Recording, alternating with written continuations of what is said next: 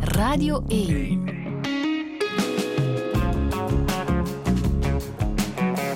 Douche. Met Friede Lesage. En met Fien Trog, goedemorgen. Goedemorgen. Hoe gaat het? Goed, dank u.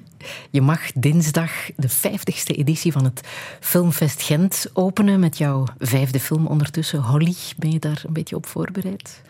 Goh, ik weet niet of ik mij daar kan op voorbereiden. Ik vind het vooral heel spannend en een hele eer. Ja, hè?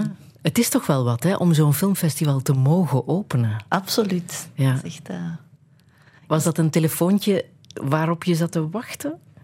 Ehm, het, het wachten is veel gezegd, maar dat wel zoiets van als nu ook nog dat zou lukken, dan zou dat echt wel de perfecte start zijn, zowel in het buitenland en dan nu in België. Ja, want je was met Holly al heel erg goed gestart in Venetië. Ja. Dat telefoontje, dat kwam binnen, hè? Absoluut. Ehm, dat was ook lang wachten en lang zo het gevoel hebben van er is interesse om, maar dat is dan nog, nog, nog vermoeiender dan niks weten, denk ik. En dan, ehm, ja, die moment van die telefoon, ik weet nog dat ik dan aflegde en dat ik dacht, ik ga hier even gewoon in blijven zitten. Ik ga gewoon even proberen om alleen daaraan te denken en alleen heel gelukkig te zijn. Want de boodschap van die telefoon was: je bent geselecteerd voor de competitie, wat al wel wat is. Ja. En de mainstream competitie in Ja, Venetië. de officiële hoofdcompetitie. Dat was eigenlijk ons grote doel. Allee, ons, ja. Dat is wat iedereen... Je wilt altijd op het hoogste zitten, veronderstel ik. Ehm, ja, en, enfin, die moment dat ik die telefoon kreeg, dat was echt wel... Dat was van de, de Franse co-producenten. Ehm, het kon al niet en meer ik wist stuk. ook, als ik dat zag, dat zij belde, dacht dat gaat daarover gaan. Dus het is of erop of eronder. Ja, ja. Ze kenden jou al wel een beetje in Venetië, denk ik. Hè? Met, Ja. eh, met Home, waar je ehm, ook in de prijzen was gevallen voor beste regie in de nevensectie Horizonti. Dat is dus het verschil. Hè? Toen, toen zat je nog niet in de, de officiële grote selectie. Ja, voilà. Je bent een eh, trapje gestegen. Ja, en dat is misschien het belangrijkste dat per film, dat, je, dat ik hoop dat het altijd net iets meer is of zo. Ja, en dat Gent dan met jouw film wil openen, dat is in elk geval al een hele mooie kers op eh, de taart. Het feit dat het ook in je eigen land is dat je mag openen, ook bijzonder hè? Absoluut, Ja. absoluut. Was je met je vorige films al op Filmfest Gent te zien Ja, geweest? ik denk, als ik mij niet vergis, dat ik er met elke film eh, ben geweest. Ik heb zelfs... eh, Home heeft toen de publieksprijs gewonnen. Eerste keer in mijn leven dat ik een publieksprijs won. Mhm. Kit heeft toen ook een speciale vermelding gekregen. Dus al mijn films hebben daar... En dan stopt mijn ge- geheugen even. Ik met de vorige, maar Gent had wel altijd een speciaal... Of mijn films hadden een speciaal plekje in Gent. En voor mij had Gent altijd een speciaal plekje Ja. voor mij. Maar ook wel, ik herinner me ook nog wel, eh, als ik op school zat, filmschool, naar Gent gaan, dat was zo... Alleen naar het filmfestival van Gent gaan, dat was zoveel mogelijk films zien op één dag. Dus dat was altijd wel een filmfeest. Ja, in Venetië was er een lange staande ovatie. Kan Gent beter, denk je? Kijk, bij deze een warme oproep. Want zit jij zelf nog in de zaal, denk je, dinsdagavond? Eh, nee, ik denk, nee, wij doen zo'n beetje de tour van de zaal Ja. om iedereen te verwelkomen. En dan eh, wachten we tot de film gedaan is. Ik denk dat ik dat ook... ehm alhoewel in Venetië ben ik blijven zitten. Moest wel, want je moet daar blijven zitten. Alleen nee, je moet niet, maar dat was zo Ja. etiketten. Ehm, maar dat is ook wel heel... ehm, Dat zijn spannende minuten Ja, wachten, denk elke, ik. Elke, elke kuch, elke beweging hoort je, voelt je Ja. en stelt in vraag. Ja. En achteraf, al die mensen die dan naar jou komen, Ja. of jou voorbij lopen, daar moeten we Alle- ook rekening mee houden. Elke lichaams... ik- De analyse is Heb jij groot. gezien? Ja, ja. Vintrog, hoe zou jij jezelf omschrijven? Ehm, ik weet dat ik... Ik ben koppig. En ik zeg ik weet, maar ik weet het eigenlijk niet. Maar dat is iets dat ik al heel mijn leven hoor. Dus ik ga ervan uit dat dat zo is. Ehm, ik ben ook iemand die een hele grote empathie heeft. Ehm, heel hard kan tot vervelens toe meeleeft met de dingen. En ehm, ik, ik zou zeggen iemand met veel angst, angstig iemand. En Nico, mijn vriend, die zei zeg maar border. Echt waar? angstig. Ja, maar Waarom vindt hij dat? Omdat met periodes mij dat wel kan, over, kan dat wel overheersen in mijn denken en in mijn zijn. En dan is dat niet iets dat de buitenwereld per se zal zien, maar is dat wel iets dat een, een soort van strijd is in je hoofd om dat te onderdrukken, om dat te controleren en om dat bijna te rationaliseren. Om te zeggen tegen jezelf, dit slaagt op niks, dit wel, maar je kunt er toch niks aan doen, maar dat is wel een constant gesprek slash strijd die je levert. En helpt het om dat nu ook te benoemen? Want je zegt het hier nu. Ik ben misschien wel border. Um, ik weet niet, het is wel de eerste, niet de eerste keer, maar een van de eerste keren in mijn leven dat ik dat durf zeggen, omdat dat totaal niet is niet cool of zo, om dat te durven toegeven. Mensen weten wel dat ik bijvoorbeeld vroeger, alleen nog steeds, vliegen, uh, kleine ruimtes. Mensen, mijn directe omgeving weet dat ik weet wel dat, ja, niet de ja. meest, um, uh, op dat vlak niet de meest, hoe zeg je dat? niet de meest stoere ben of zo. Um, maar dat, dat heeft zich wel zo met de jaren wat uitgebreid. Of, dat, of, of ik heb ook nooit gezegd ik ben ook gewoon bang van het leven. Of ik stel het leven... Ik ben, ben gewoon bang van heel veel dingen. En ik denk dat ik op een punt kom, ben gekomen in, in mijn leven dat ik denk van ja, gewoon... Je zijt wie je zijt. En als mensen vragen wie zijt, waarom zou ik het niet zeggen? Misschien helpt het mij, maar vooral het heeft het gevoel dat je eerlijker bent. En misschien de andere mensen zeggen, ik heb dat ook. Want ik merk ook wel, als je daarover praat, hoeveel mensen dat ook hebben. Ja. Die, en dat zijn hele fijne gesprekken. Ja, ja. Ook niet, geen diepgaande gesprekken, maar dat wordt, want ik lach daar ook mee. En dat moet ook, want anders ga ik er helemaal, word ik er helemaal uh, gek. Je lacht met jezelf. ik lach met mezelf. Ja? Dat is de manier van, te, van overleven, denk ik. Ja. En op welke momenten dan? Van Ik- hier is is vooral- Fien weer, die echte Fien. Ja, maar het is vooral daarna, na een angst en als ik erover praat met andere mensen. Want op het moment zelf is het echt niet grappig. Bang zijn en angstig zijn. En, en eh, vooral ook niet kunnen benoemen waarom. Sommige angsten zijn heel concreet, andere zijn gewoon ah, abstracter, existentiëler. En dat zijn, dat zijn de moeilijke. Want ik kan daar, ik, soms vaak wil ik daar ook niks van zeggen, omdat dat of maakt het erger, of ik ga dan zo hard in vraag stellen waarom ik bang ben dat het ja, dat het meer iets het over... Maar vandaar denk ik ook jouw levensmotto, hè? Oordeel niet over iemand anders. Ja, dat is ehm, iets dat ik denk ik al heb van, van kinds af aan. Als ik heel eerlijk ben, ik oordeel en oordeel nog steeds over heel veel. dus het gaat mij niet over het niet mogen oordelen, maar wel de basis waarop of zo je dat doet. En tegen wie je dat doet. Tegen wie je sommige dingen ventileert. En ik denk dat ik wel, wat ik in het begin zei, zo, dat empathische in mij, dat maakt wel dat ik altijd begrijp, tot vervelens toe, waarom mensen bepaalde dingen doen, zeggen. Ehm, wat niet wil zeggen dat ik die altijd even dat ik dat vergoeilijk, maar dat maakt wel dat je begrijpt waarom bepaalde mensen dingen doen. En dat maakt dat je ehm, meer begrip kunt hebben, maar dat is ook vermoeiender, want wit-zwart denken is dan spijtig genoeg niet echt aan de orde. Waardoor je altijd zegt, ja, maar ik begrijp wel dat. En dat is zeer intens. Maar dit gezegd zijnde ben ik zeer snel kritisch geïrriteerd en heb ik heel snel een mening over iets. Dus het is niet dat ik vind dat snel, alles ja, ja. begrijpelijk... beg- Ik heb geen begrip Ja. voor alles, maar ik kan wel begrijpen waarvan dat dingen komen. Fien Trog, welkom in Touché.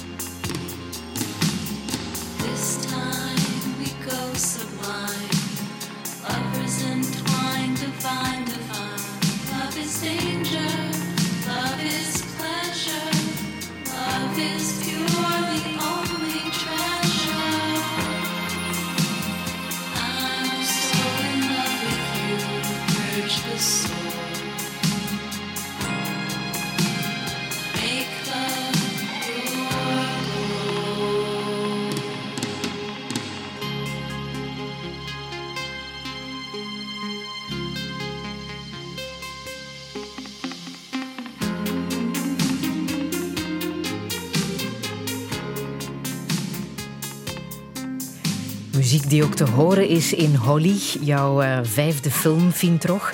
Desire heet de groep. Het nummer heet The Power of Love. Maar we herkennen natuurlijk wel het nummer van eh, Frankie Goes to Hollywood uit eh, de jaren tachtig. Fantastische muziek van de Amerikaanse producer Johnny Jewel. Die Ja. jouw vorige films ook van muziek heeft voorzien. Hè? Ja. Mag je trots op zijn, denk ik. Ja, ik ben daar wel echt trots op. Het is ook een fantastische muzikant. Het is ondertussen ook een goede vriend. Dus via Nico, mijn, mijn eh, man, eh, Nico Leunen. En hij had hem leren kennen via, eh, toen hij ehm, film monteerde met Ryan Gosling, Lost River. En dat was instant een soort van ja, vriendschap. Eerst op, op, op niveau van muziek kon hij het onwaarschijnlijk goed met elkaar vinden. En dan zijn we eigenlijk bij Home, mijn vorige film. eh, wat, wist ik niet, niet wat ik met muziek wou doen. En zo, ja, maar waarom vragen we niet aan Johnny? En die was in- ik was sowieso al lang fan van hem. En hij was instant fan van mijn films. En kijk, daar is een samenwerking uitgekomen die nog lang zal doorgaan. Mhm. Hij is ook eh, verantwoordelijk voor de sound van, van Twin Peaks. eh, Ja, van de laatste. Ja. De laatste. En hij komt binnenkort naar Brussel. Absoluut. Ja, in er november, hè? Ja. ja, naar de botaniek. ja. Ehm, Holly gaat over een 15-jarig meisje uit een eh, ontwricht en arm gezin dat op school uitgesloten wordt. Ze wordt daar de heks genoemd. Hoe kom jij bij het idee van zo'n personage, van zo'n verhaal? Goeie vraag. Dat gaat heel ver terug. Ehm, ik denk het idee van. Zo het feit, laten we beginnen bij 15 jaar, dat idee van zo die, die overgang, dat weet iedereen, puberteit, je bent niet meer kind, maar je bent ook niet volwassen, je denkt dat je het kunt en het weet, maar er is ook nog altijd zo die hunkering naar veiligheid, naar, naar erkenning van je ouders. Ehm, dat vind ik sowieso een heel interessante zone om in te bevinden, als, als, als, als, ja, als persoon, maar dus ook als personage voor een film. En dan denk ik dat er een soort van mechanisme in gang schiet van... Ja, wat, wil ik, wat, wat, wat zijn thema's die ik graag aanraak of zo? In dit geval was dat, ging dat heel hard over... ehm, ik weet niet meer wat de basis was van mijn idee ooit. Maar ik weet dat er zo dat idee van... Een mechanisme van, van rouw, van geloven, van ergens heel kwetsbaar zijn... en dan toch een, een soort van eh, talent toegedicht krijgen. En dan... Hoe ga je daarmee om? Hoe, gaan vooral de, hoe gaat de buitenwereld daarmee om? Dus dat was een hele, een hele mengeling van, van, van, van alles. Ik weet wel dat het feit dat Holly uit een ontwricht gezin komt, dat had wel een, een, een, een, een belang gekregen voor mij. Eh, vooral om zo dat, dat idee van het, ehm, een meisje dat goed doet. Eh, een soort van een klein moeder Theresaatje of zo, weet ik veel hoe ik ze moet noemen. Eh, en ik vond dat wel... Typisch dat mensen dan willen dat die personen puur zijn. Dat mag dan niet gaan over mensen die het makkelijk hebben, mensen die veel geld hebben, mensen die geprivilegeerd zijn of zo. Dus ik weet wel dat dat heel snel in mijn hoofd duidelijk was van er moet iets zijn waardoor dat er nog meer tussen grote aan, aanhalingstekens onschuld in zit. Ja, en je voelt ook wel dat de mensen die eh, verdriet hebben, want zij voorspelt schijnbaar een, een schoolbrand en de nabestaanden van de slachtoffers voelen een soort band met dat eh, meisje. Mensen die daar nood aan hebben, zoeken ook wel naar iets of iemand dat hen kan troosten. Zij is dan ja, de trooster. Ja, absoluut. En daarom was ook die brand, of dat, dat idee van die rouwende gemeenschap ook belangrijk in die zin dat dat is een, een gekwetste gemeenschap, dat is een verzwakte gemeenschap. En dat zijn mensen die op zoek zijn naar iets dat iets meer verklaart dan ja, shit happens of zo. Ja. En dan ehm, was Holly daar natuurlijk, zoals gezegd, de perfecte, ja, de perfecte persoon om een soort van verdriet op te vangen of zo. De actrice die Holly speelt is Catalina Gerards. Hoe oud is die ondertussen? Oei, ondertussen denk ik dat ze 17 is. Maar Ja. toen was ze 16. Oh, oh, of 15. Maar hoe heb je haar gevonden? Ehm, wel, we hebben, we hebben zoals we altijd doen, zeker als het over eh, jongeren gaat, ehm, casting, gelance- allee, casting oproep gelanceerd. In dit geval, allee, of nu deze dagen, dat vooral via sociale media. En dan heel veel meisjes gezien, maar ik herinner mij dat zij al de eerste of de tweede dag kwam en dat we instant zoiets van wow. En Dus wat zie jij dan? Wat, hoe weet jij dat wordt mijn Wel, hoofdpersonage? ik, ik ga heel eerlijk zijn, ik wist het niet van in het begin. Wat ik wel van in het begin wist, als ik haar zeg, is wat een talent, wat een onwaarschijnlijke actrice. Maar ik wist nog niet wie Holly was. En ik hoopte dat te zien als ik het meisje zag. Mensen zeiden ook tegen mij, van gaat dat zien? Dat soort personage. Bijna alsof er gaat er licht uitschijnen. Maar dat bleek niet zo te zijn. Er kwam geen licht uit sommige meisjes. maar dan blijven kousen omdat ik zeker wou zijn. En dan hebben we uiteindelijk eh, voor de beste actrice gekozen. En wat heel fijn was, is door tijdens de casting heb ik eigenlijk ontdekt wie Holly moest zijn, ook fysiek. Omdat zij, zij is echt een tienermeisje, een mooi meisje, maar vooral niet dat je denkt, ah ja, ik zie het, dat is, dat is een, een fee of een, of een... Er komt een, een areool rond of zo. Ja, ja. Gewoon. En dat was heel fijn om te ontdekken, want ik dacht, ah, maar dat is ook juist de essentie. Zij is ook maar gewoon een gewone Een tiener gewoon die een meisje. statuut krijgt die zij zelf niet wist dat dat mogelijk was. Ja. zo. Ze heeft meteen al de Bisato d'Oro Award gewonnen in Venetië. Beste acteerprestatie wil dat zeggen. Wil dat ook zeggen dat ze nu beter is dan Emma Stone? Nu al? Ehm, ik vind in elk geval al beter, dus dat is al iets.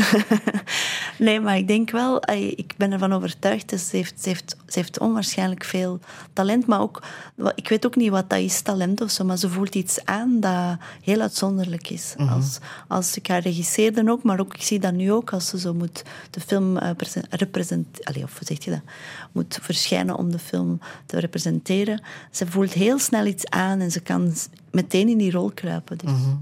Ze heeft een vriendje in de film, Bart, een speciale jongen. Ook wel een goede acteur. Hè? Ja, onwaarschijnlijk. Ja. Dat was ook een, een cadeau. Wat kunnen we daarover vertellen?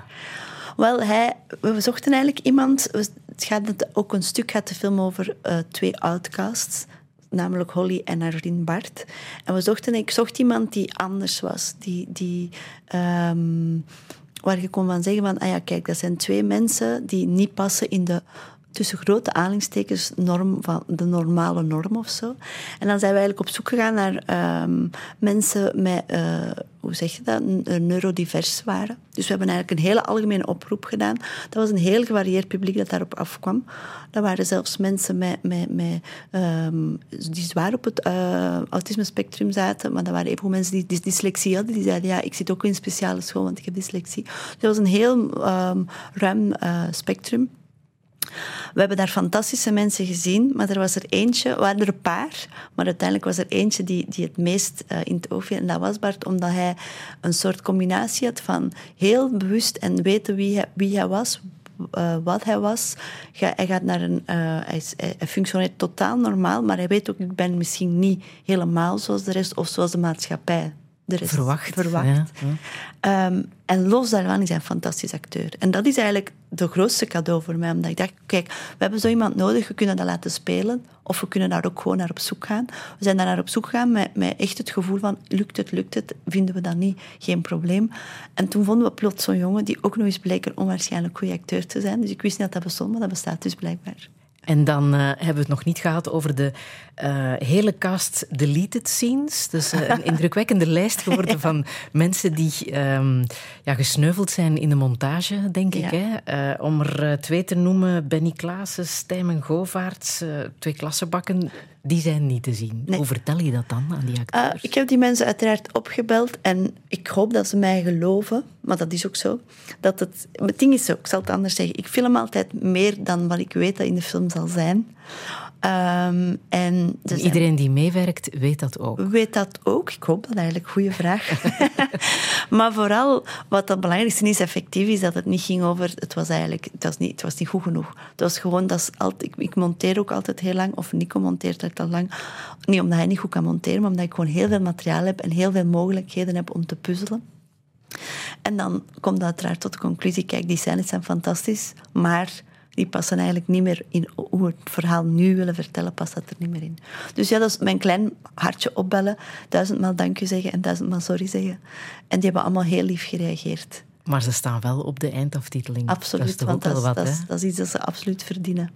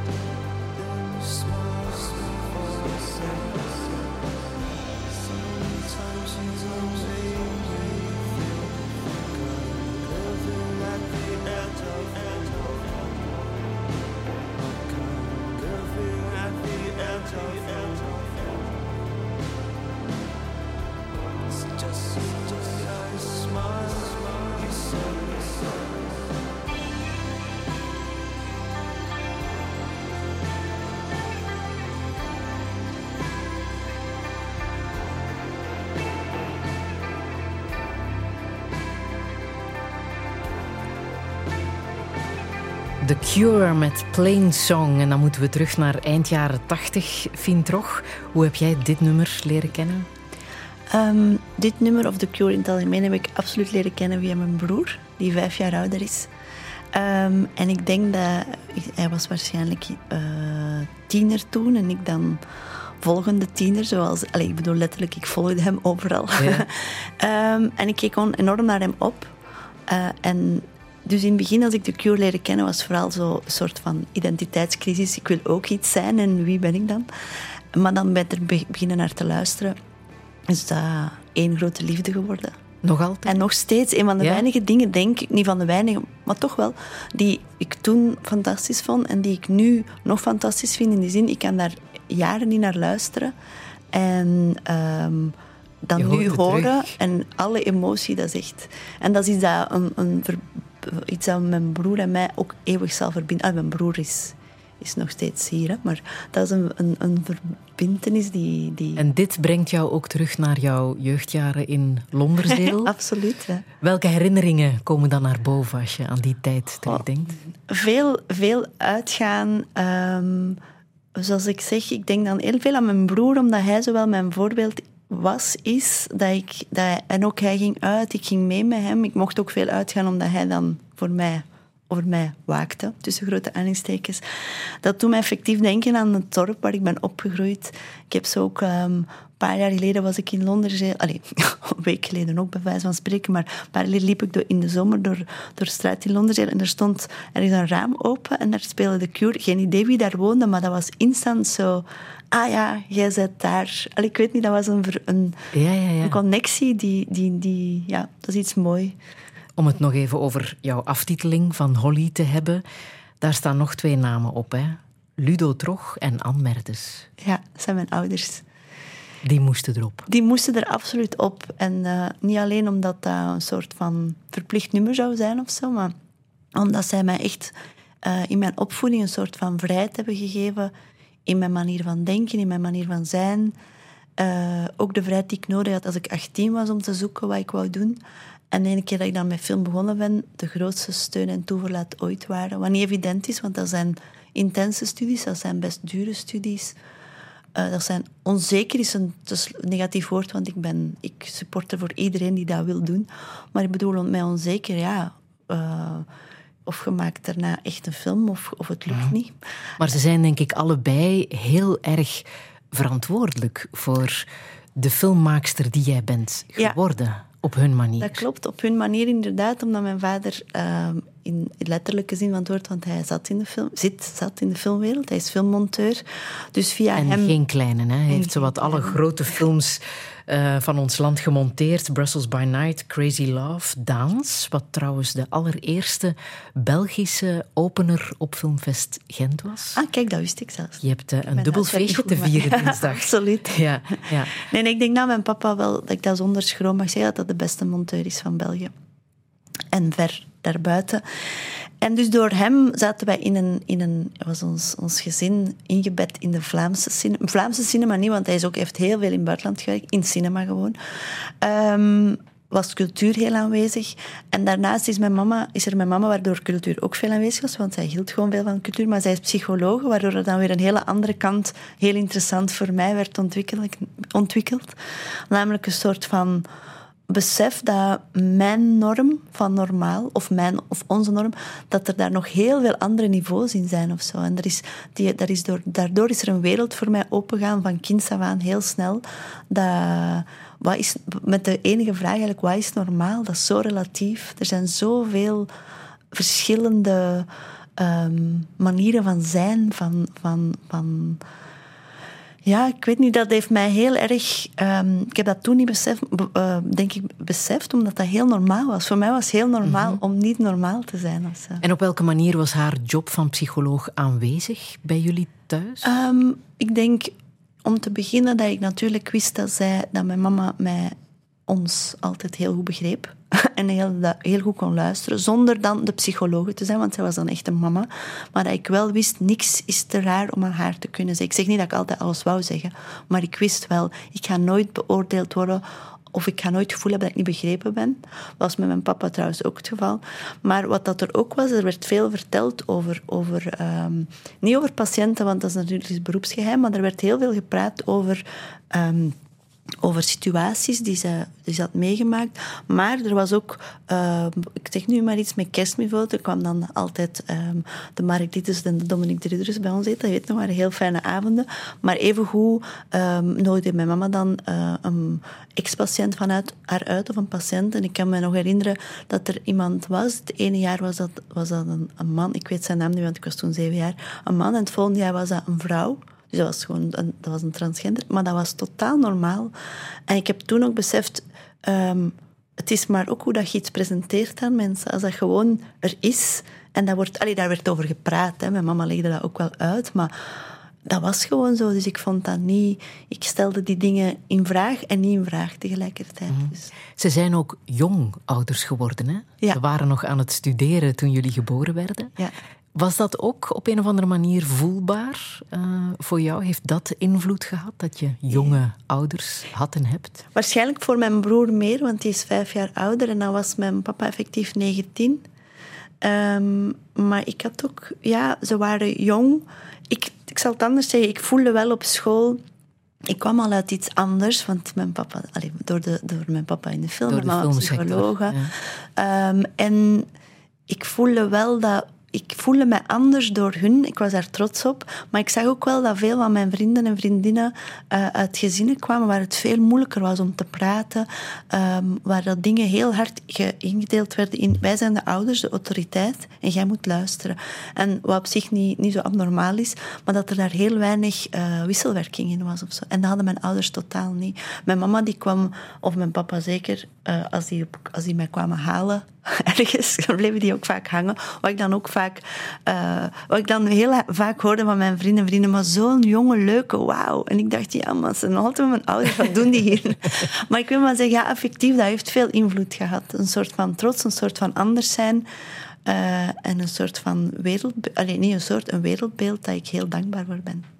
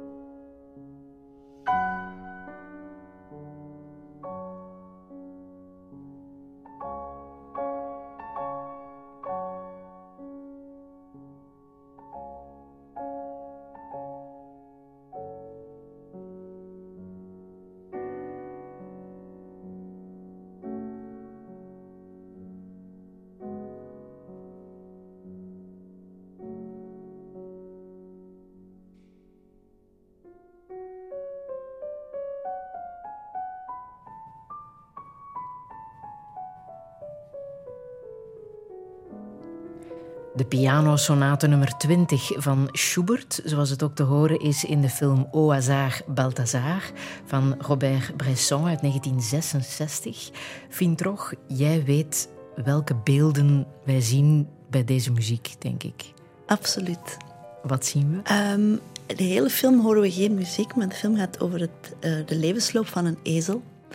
En op het einde, eh, wanneer, het, het laatste, wanneer hij sterft, ehm, op een heel serene manier in een, in een, in een, in een weide, ehm, er komen, hij legt zich neer en hij, en hij sterft. En er komen dan plots hoort je bellen van ehm, schapen. Die komen gewoon in beeld gewandeld en die verspreiden zich allemaal rondom hem. En dan naar het einde toe begint deze muziek. En dat is een van de mooiste, allermooiste cinemamomenten voor mij. Weet je nog wanneer je dit hebt gezien? Ik weet dat dat een van de... Ik weet niet meer exact wanneer, maar dat is wel een van de films die ik had gezien voor ik zo eh, ondergedompeld werd op Sint-Lucas in, het, ehm, in, het film, in de filmgeschiedenis. Ehm, en dat was ook een van de eerste films die ik had gezien die zo niet, waar we niet voor naar de cinema waren geweest. Allee, we, we gingen heel veel naar de cinema. Maar die niet mainstream was, die niet, ehm, niet zo evident was voor mij. En ik weet ook wel dat ik dat in het begin... Ik was heel geëmotioneerd door, door die film. Maar ik was ook heel verward, want dat was ook... Dat is, dat is Robert is niet... Dat zijn geen tearjerkers, dat is heel ehm, sereen. Ehm, en dus dat was een soort van immens verdriet dat ik voelde. eh, heel veel melancholie. En dan tegelijk ook iets van... Ja, maar dat was allemaal nogal dat leek toen allemaal heel droog of zo. Dus eigenlijk een soort van verwarring. Maar ik heb het gevoel dat er toen zo'n zaadje is geplant van... Ah ja, maar wat wil dat dan eigenlijk zeggen, emotie tonen? En waarom ben ik geëmotioneerd door bepaalde dingen? Is dat, of, of waarom... Mijn grote voorbeeld is altijd... ehm, dat ik heel veel als kind ontgoocheld was in hoe ik reageerde op dingen. Omdat dat, eh, dat is iets dat ik pas later besefte, maar dat strookte niet met wat ik in mijn hoofd had om, zo te, om te reageren. Maar dat wat ik in mijn hoofd had, had ik gekopieerd van Hollywoodfilms. Dus ik, ik vond dat, dat ik zo weinig kon zeggen. Ik zie u graag, of ik kon zo slecht zeggen wat, wat er scheelde. Als Wat ik huilde, ging ik gebeurt in een Hollywoodfilm. Voilà, en als ik huilde, dan verstopte ik mij of dan wachtte ik tot iedereen weg was en dan huilde ik alleen. Terwijl ik dacht, volgende keer moet ik met een bibberende stem zeggen, dit kan niet, maar dat ging totaal niet. En het is pas later dat ik ging denken, ah ja, maar het is ook een soort conditionering in mij door de films die ik zie, wat op zich niet mis, niet mis maar daardoor ben ik wel in... En Robert Bresson was voor mij wel zo eh, het begin van daar echt over na te denken. Ook als, niet als filmmaker, want toen ik de film zag, wist ik nog niet dat ik films ging maken, maar wel zo van, ah ja, er is daar ook wel iets of zo. Mhm. Hij was ook een heel bijzonder filmmaker. Absoluut. Hij heeft dertien films gemaakt. Ja. En echt heel eigenzinnig. Zeker niet commercieel. Nee. Hij maakte zijn eigen keuzes. Hij maakte zijn eigen keuzes. Hij had ook een hele eh, eigen visie op wat hij wou van zijn acteurs. Hij zag hen echt als een soort van, ehm, een soort van palet dat door de, de kijker moest ingevuld worden. Dus geen enkele emotie die hij oplegde, die, die, die een soort van. Ehm, ja, het- hij, behandelde ze eigenlijk als een soort van robot die hij liet doen wat ze moesten doen. Ehm, wat heel droog klinkt en wat dat ook heel droog is, maar wat super interessant is om naar te kijken. En een keer dat je, daar, dat, je dat begrijpt, wordt dat ook veel, voor mij vaak veel emotioneler dan andere films die dat op een veel evidentere manier eh, zouden doen. Heb je het vak ook geleerd door films te kijken, boeken te lezen over regisseurs? Is dat een manier om het vak echt goed eh, onder de knie te krijgen? Het is zeker een grote mengeling geweest. Het is heel veel films kijken, het is heel veel boeken lezen, ook fictie. Mm, Er is een periode geweest waar ik effectief echt boeken las over filmmakers. Dat waren spijtig genoeg, besef ik nu, heel veel mannen... Allee, er zijn ook wel heel veel fantastische film, mannelijke filmmakers. Maar dat waren toen allemaal boeken over mannelijke filmmakers. Heb ik daar het vak van geleerd? Dat weet ik niet, want ik heb dat vak overal en nergens geleerd. Allee, ook op school uiteraard, maar dat was een, een grote mix van van alles. Maar wat ik vooral uit die boeken leerde, was zo'n soort van... Enerzijds iets heel menselijk, van ah ja, dat waren eigenlijk gewoon mensen die keken en dan beoordeelden en dachten... Vind ik dit goed? Is dit wat ik wil maken? Wat ik daar vooral ook uit leerde was, wat ik ook pas later besef, denk ik, is als die dat mogen zijn, als die ook soms ijshols mogen zijn, dan mag ik ook af en toe een trut zijn of zo. Dus dat was een soort van... Dat werd menselijker en tegelijk ehm, ook, werd, werd, werd het ook bigger than life of zo door die boeken te lezen. Maar dat heeft mij wel doen beseffen van... Ik kan daar ook gewoon... Ik mag daar ook in die rij gaan staan. Niet van grootheid, maar wel qua wat het maar is en wat het kan zijn of zo. En als beeldmaker, want dat ben je wel, ehm, neig je natuurlijk ook heel erg naar fotografie. Hè? Je Ja. hebt mij een naam doorgestuurd, William Eggleston. Eh, ja, zowat de pionier van, de- van de kleurenfotografie. Ja. Op welke manier heeft hij jou geïnspireerd in, in jouw werk? Het is, eh, is zo in de zoektocht naar wat ga ik vertellen, wat wil ik vertellen. Ehm, zoals ik al zei, dat, dat, dat, dat, dat, gaat, allemaal allerlei media dat je zoekt naar input. Maar Willem Eggleston, dat was echt zo een fotoboek vastnemen, kijken en bij elke, niet bij elke foto, maar bij heel veel foto's een verhaal zien. En echt naar die foto kunnen blijven kijken en, en op een hele abstracte manier vaak, maar echt zo'n al een, een, iets, er, er hing iets in die foto dat ik dacht, ah ja, dat gezin, dat huis, die plek. Waarom, staat waarom ligt dat fietsje daar zo nonchalant neergezet? Dus ik vond dat heel spannende foto's, heel verhalende foto's. Of, of puur esthetisch fantastisch mooie foto's. Eh, en veel van die foto's toen was dan nog echt naar de winkel gaan, eh, kleurenkopie nemen, uitknippen en in mijn mapje steken. Heel veel van die foto's waren een basis voor, voor, voor een scène te creëren. Ik, ik denk dat ik zo nog scènes uit mijn eerste film zou kunnen eh, oproepen waar ik van weet, ah ja, daar heb ik toen die foto gezien en mijn personage in die plek, op die plek van die foto gezet en er is een verhaal ontstaan. Je hebt hem ook ontmoet, hè? William Ja. Eggleston. Ik heb hem Je ontmoet. lacht. Ik lach omdat, eh, ik weet, dat was toen met mijn eerste film, waar er dus het meeste van zijn invloed eh, in zat, zowel verhalend als visueel. Ehm, en dat was in Toronto op het filmfestival. Dat was, ik was super vereerd dat ik daar mocht zijn. En dat was een etentje georganiseerd. ehm, met, met, ja, met mensen die toen op die moment ook daar waren uitgenodigd. En tot mijn grote verbazing, eh, enthousiasme, was eh, William Eggleston daar ook. Maar die man, ik weet nu eigenlijk tot mijn grote schaamte niet of hij nog leeft of overleden is. Dat is eigenlijk heel, erg. Hij was toen al heel oud. Hm, die zitten we dan. Ik weet het niet, sorry. Ik had... We zullen het opzoeken. Ja, in elk geval, hij was toen al best oud, maar ik heb dan nog mijn stoute eh, schoenen aangetrokken en naar hem gestapt. Of naar hem gestapt, hij zat gewoon twee stoelen verder.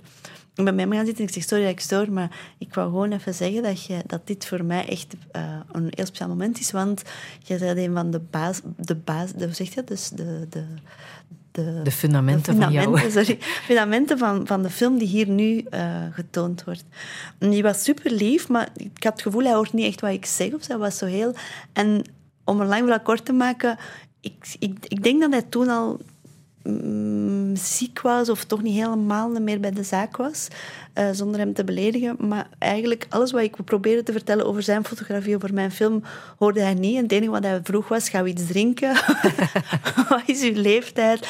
Ah, leuk, en zo'n leuke vrouw. Dus ik vond, ik moet er nu mee lachen. Al, ik moest er toen ook mee lachen, maar zo mijn nervositeit om zo interessante dingen te zeggen en zo proberen te verwoorden op een niet truttige manier hoe, hoe starstruck ik was, eh, viel totaal in het. Want het enige wat hem interesseerde was, er zit een jonge vrouw voor mij die ik wel leuk vind. Dus het was het werd Never meet your en ik wist totaal niet meer wat ik moest vertellen of wat ik aan het doen was. Zeg maar, eigenlijk, ehm, als we teruggaan naar jouw studententijd, wou jij actrice worden, hè? Ja, Daar heb je ook pogingen voor ondernomen. ja. Hoe ver Eh, ben je daarin gegaan? Maar wel, het ding is, dat zo typisch, misschien ik of iets... Dat, van, ik wou actrice worden, dat wist ik al van kinds af aan. Ik wou iets met film doen, ik wou iets met, ik wou iets, met, iets glamoureus doen. Dat is eigenlijk heel Ja. ja, oppervlakkig, maar dat was ook als kind zo. Het ging mij over die, die jurken en die rode lopers. Alles wat ik nu eigenlijk heel vervelend vind, vond ik toen fantastisch. Dus of ik, effectief op mijn 18 zei ik van ik ga naar, de, naar het conservatorium. Ik heb de twee geprobeerd, denk ik. Ja. Herman Teiling en conservatorium. Maar dus zonder enige scholing, zonder enige nog nooit op een podium gestaan. Ik speelde muziek, maar bon, dat is iets helemaal anders. Dus ik dacht gewoon, ik, dat zit in mij, ik kan dat, ik ga dat gewoon doen. Dus ik doe die ingangsexamens. Ik was er uiteraard niet door, want ik durfde niks. Ik stond daar en ik dacht, ik, ik, als ik heel eerlijk ben, ik dacht, dat zit daarin, maar ik durf dat gewoon niet. Ik kwam daartoe en mensen stonden op tafel te zingen en te dansen en iedereen was er direct bevriend met iedereen. En ik had alleen zoiets van, ik kruip anders in een hoekje en ik wacht tot mijn naam noemt. Dus dat was een totale eh, koude douche. En dan ehm, hebben mijn ouders gezegd van kijk, dat is nu mislukt. Eh, je mocht een jaar nadenken, maar je moet wel iets doen. Je kunt niet zomaar ehm, in de zetel zitten, want ik was toen ook, ik ging toen heel veel weg uit feesten. Dus ik wist ook wel, als je mij geen school geeft, dan je waarschijnlijk gewoon hele dagen alleen maar op café zitten. En ik ben dan met Sint-Lucas begonnen als een soort van misschien kan ik daar een... In, eh, enfin, daar krijg ik nog, word ik nog onderricht in iets en kan ik misschien ontdekken wat ik wil. En het is eigenlijk door die school te doen dat ik, dat, dat ik ontdekt heb dat ik films van maken. Maar het fijne was dat in mijn tweede jaar, dus was ik 19 ik bij toeval via een telefoon die voor mijn papa was bedoeld, maar dan bij mij terechtkwam, op een casting ben beland voor een Franse film met Isabelle Huppert. En ik had zowaar die rol. En ik heb dan eigenlijk, dat was redelijk lang, denk twee maanden in, in Frankrijk, alleen bij één en weer reizen, eh, gezeten. Dat was een, een onwaarschijnlijk avontuur waar ik mij heel veel, heel onzeker en eenzaam heb gevoeld, maar wel fijn. Maar vooral, ik heb daar ontdekt, ik wil dit helemaal niet doen. Ik vind, dat is niks voor mij. Dus dat was het perfecte afsluiten van een hoofdstuk, waar ik denk ik al een soort van conclusie had getrokken. Maar ik denk, als ik dat niet had gehad, dat ik misschien eeuwig had blijven voelen of, of denken van, misschien had ik niet beter. Maar, is Maar op een aftiteling staan, staan samen met Isabelle Huppert. Het is een mooie Het afsluiting. is mooi, hè? Het is mooi op je cv. Absoluut.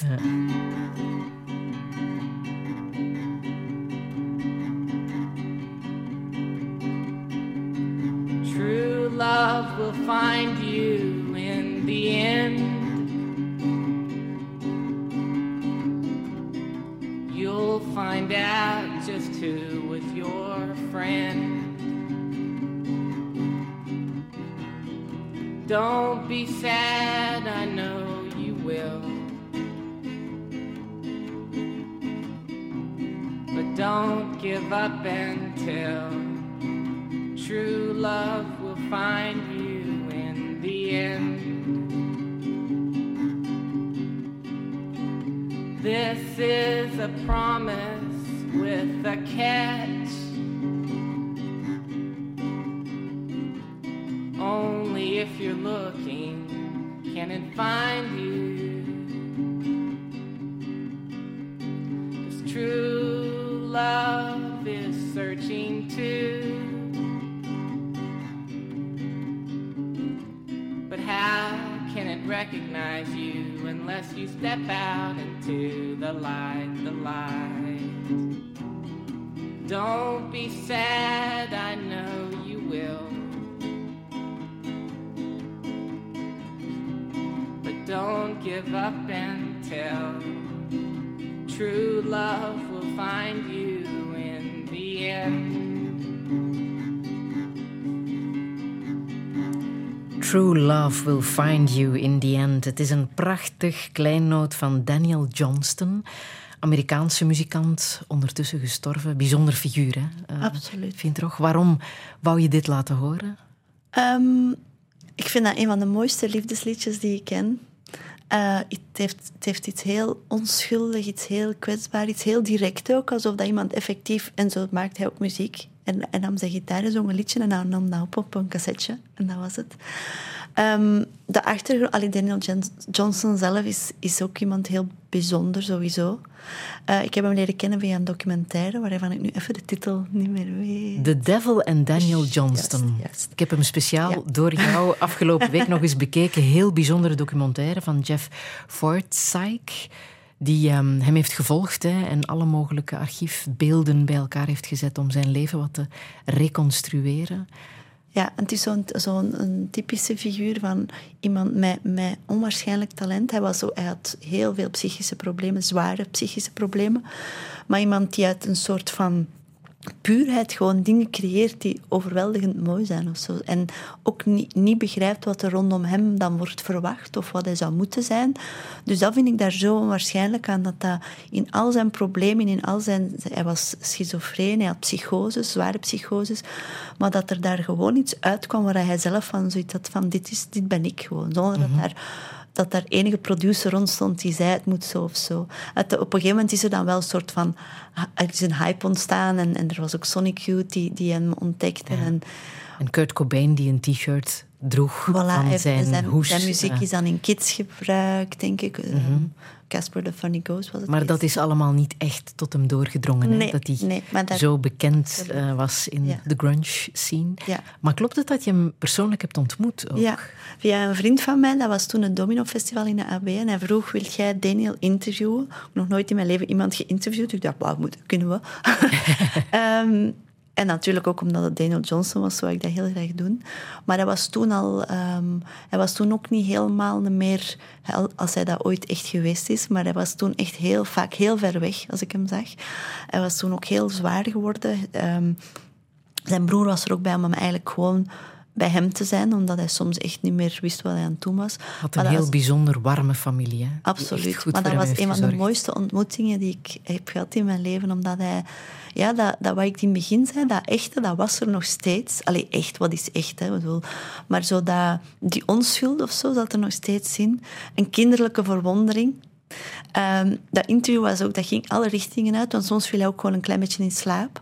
Soms waren we aan het praten en begon hij met open mond heel hard te kijken naar u. Dan zei zijn broer, sorry, soms kan hij nogal ver- ver- verward zijn als hij bij vrouwen is. Dus dat, was, dat ging in alle richtingen, maar er was niks... ehm, er was niks eh, geforceerd aan of niks offen of offensief, wou ik zeggen, beledigend aan of zo. Alles was gewoon, dat was hij gewoon, in de staat die hij dan was. En hoe heb je dat eh, gesprek aangepakt? Hoe heb je dat gedaan? Wel, eigenlijk gewoon echt een gesprek gehad. Niet zo van, ik had wel wat vragen in mijn hoofd, maar gewoon eigenlijk alles wat ik van hem wist. Vragen vinden dan nog leuk. Bijvoorbeeld, hij, is, hij, is- hij was een grote eh, Marvel-fan. Ehm, en een van de mooiste vragen vond ik dat hij was zijn True Love Find You. in. Het gaat over zijn grote liefde Laura. Dat is een meisje die hij, dat hij denk ik heel zijn leven onwaarschijnlijk, leven onwaarschijnlijk verliefd op was. Die vrouw was ook super lief. Die had zoiets van, ik ben vereerd, maar it's not gonna happen. En hij, hij aanvaarde dat of zo. En daar heb ik hem dan ook naar gevraagd. En hij zei, ja, nee, dat is niks. Maar hij had dan iemand nieuw leren, leren kennen, Marilyn Monroe. En dan is dat is raar, want ja, uw eerste reactie is van, huh, dat kan niet. Dus ik zei, oei, dat is, dat is niet simpel dan. En hij zei, nee, dat is niet simpel, maar we gaan trouwen en zo. En ik ben nu... Ja, en op een of andere manier, hij neemt u mee in zijn wereld. En het is niet aan mij om op die moment te zeggen, "Eh, dat kan wel niet. ik wist Ah. dat ook, dat er dingen gingen zeggen. En dat was super... Ja, dat is moeilijk om te zeggen. Dat was heel... Dat was, dat was super hard verwarmend. En zo heb ik dat interview ook gewoon gedaan. We zijn ook naar een... Naar, eh, in de Zuidstraat in Brussel, naar zo'n stripboek. Allee, zo'n oude stripboek. Heeft daar zitten... Ik heb hem ook gewoon laten doen. Hij heeft daar zo uren naar die stripboeken zitten kijken. We hebben iets gegeten. Dan soms vertelde hij iets. Dan vroeg ik iets aan hem. Of dan vroeg ik gewoon, hoe, hoe is het nu? En hij moest dan die avond ook optreden. En ik denk niet dat ik echt nog heel diep tot hem doordringen. Dat ging niet. Maar gewoon bij hem zijn ehm, dat was gewoon heel fijn. En aanvaarden wie hij was. Hoe hij was en wat hij was op dat Ja. moment. Ben je een beetje zijn Holly geweest op dat moment? Ehm, dat zou ik niet durven zeggen, maar ik denk wel dat hij heel snel voelde dat, er, dat het niet complex was en dat ik hem, dat ik hem, dat ik hem aanvaarde hoe hij was. En dat er ja, effectief misschien wel een soort van. ehm laten we het woord nog eens zeggen, empathie was voor, voor hoe hij zich zou kunnen voelen, dat er geen verwachtingen waren of zo. Ja. En hoe was dat concert? Goh, dat was heel mooi. Ik denk voor iemand die hem niet zou kennen, dat dat ook... Het was, hij was moe. Het, het zingen ging niet zo goed meer.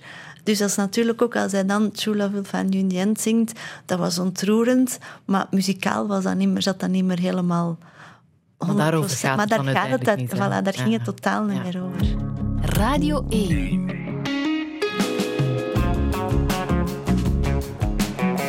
Douche. Met Friede Lesage. En met cineaste Fien Trog. Overmorgen mag ze met haar vijfde film Holly de 50ste editie van Filmfest Gent openen. Het was haar droom om actrice te worden. Ze stond ook voor de camera, maar daar besefte ze dat regisseren dichter bij haar natuur lag. En dat vindt ondertussen ook de internationale filmscene. Maar hoe moet het verder? Hoe kijkt ze naar de jeugd van tegenwoordig? Hoe duikt ze in hun wereld? En wat houdt haar in evenwicht? Dit is Touché met Fien Trog. Een goede middag.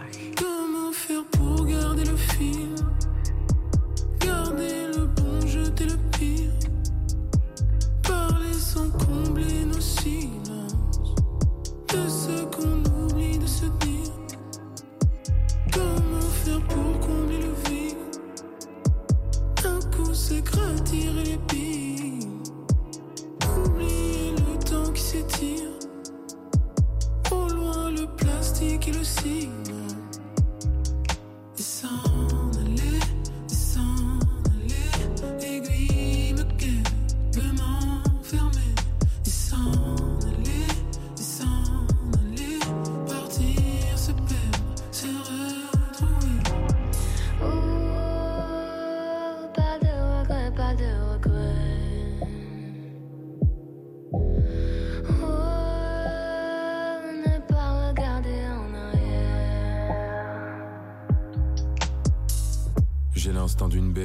Je suis qu'un homme donc je suis qu'un animal. Les belles paroles, je veux pas y croire. J'ai trop souvent fini par me leurrer. J'écris ce texte, j'arrête pas de gommer. Pour recevoir, commence pardonner? Pourquoi je suis heureux quand j'agis mal? Pourquoi c'est si dur de pardonner? Face au paraître, on se barricade. Raison d'en profondeur abyssale. Je pense au jour où je quitterai la capitale. La conscience propre et les abyssales. Partons loin des hommes, des palissades, des murs, des grillages et des barbelés. Avant que j'enjambe la balustrade ou que la balle quitte le barrière.